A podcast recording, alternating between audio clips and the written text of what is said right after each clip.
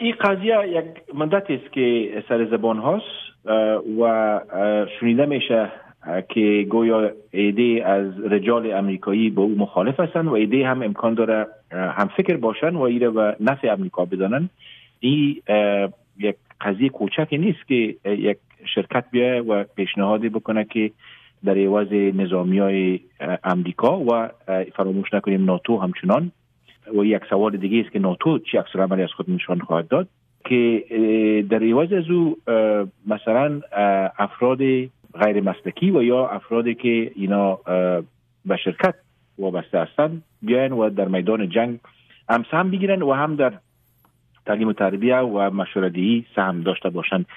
با کسانی که تخصص دارند در این موضوعات صحبت که شده هم افغان هم خارجی و بالخصوص امریکایی که در بخش نظامی بودن همه به این باور هستند که جنبه عملی نداره این قضیه. نمی‌تونه داشته. ابعاد مختلفی است که مانع از این میشه که همچون یک پیشنهاد بتوانه که امریکا را کمک کنه و یا جنگ در, در مقابل تروریسم ممد واقع شود.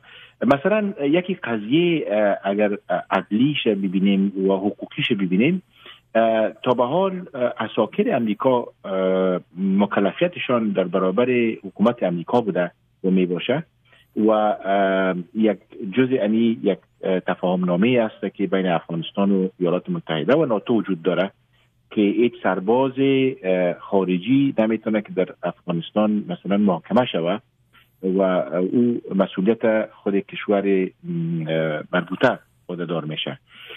سوال پیش میشه که اگر افراد خصوصی به در این جنگ سهم بگیرن و دست به مثلا نقص حقوق بشر بزنن قسمی که در گذشته ها سر زده است همچو اشخاص در دیگر کشورها یا در افغانستان مثال عراق ما همه به یاد داریم.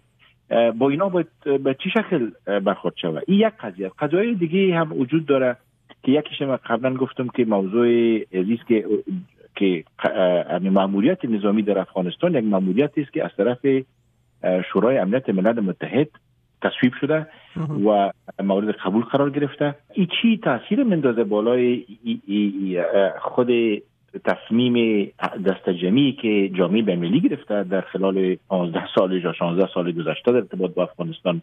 بعدا چی تاثیر می‌گذاره بالای روابط امریکا با متحدین ناتو و در حدود 40 الی 50 کشور دیگه که به انواع و اقسام مختلف در افغانستان سهم داشتن و هنوز هم دارن.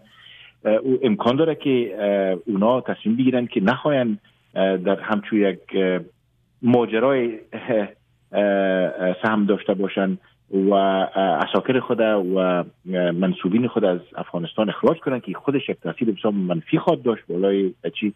سومی موضوع موضوعی است که در افغانستان بر اساس یک دکترین نظامی کار پیش رفته. یعنی که نهادهای امنیتی افغانستان باید ساخته شوند و در نهادسازی کشورهای مختلف به خصوص امریکا سهم داشتن و اونا از دکترین که قابل قبول بوده برای طرفین استفاده کردن.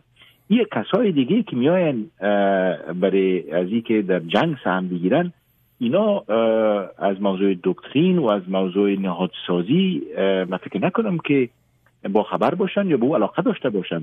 و بسیار امکان داره که این یک صدمه بسیار بزرگ بر نهادی نشدن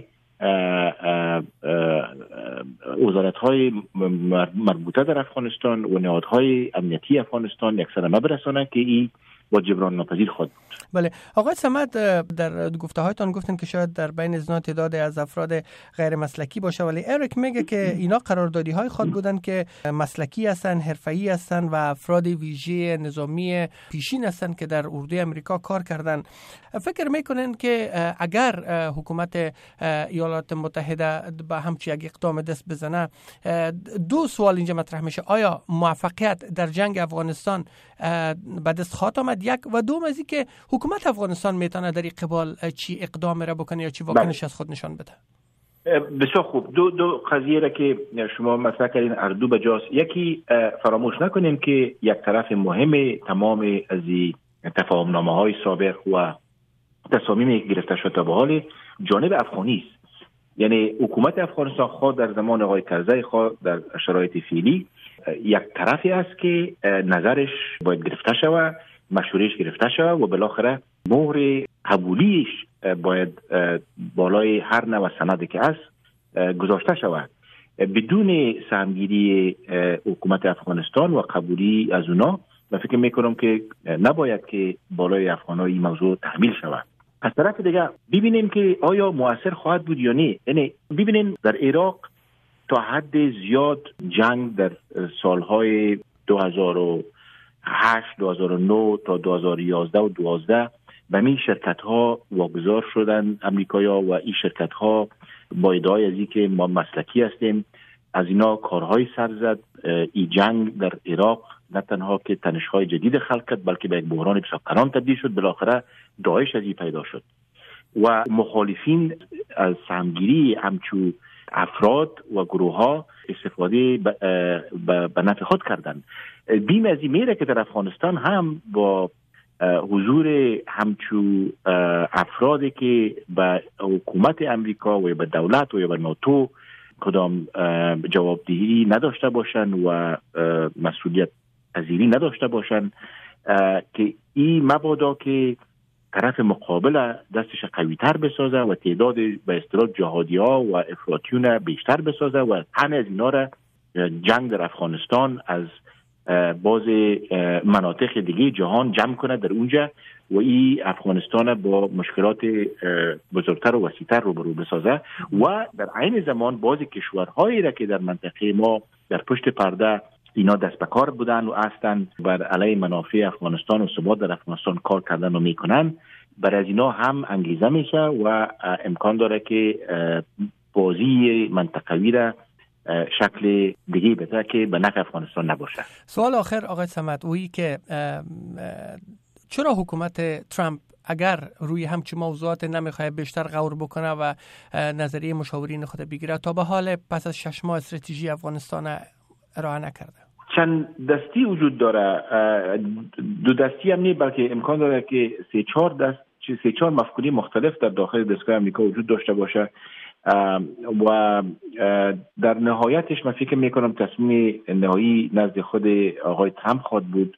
هرچند خودش خواسته که مسئولیت به مسئولیت به دوش نظامیا بیاندازه و اونا را مشورهایش جدی بگیره. ولی حال قسمی که دیده میشه در خلال دو, ماه گذشته نظامیا موقف خود ابراز کردن ولی در داخل قصر سفید باز دیدگاه های دیگه وجود داره. که یکی از اون دیدگاه امی چیزی که شما یاد کردیم که خصوصی سازی جنگ است.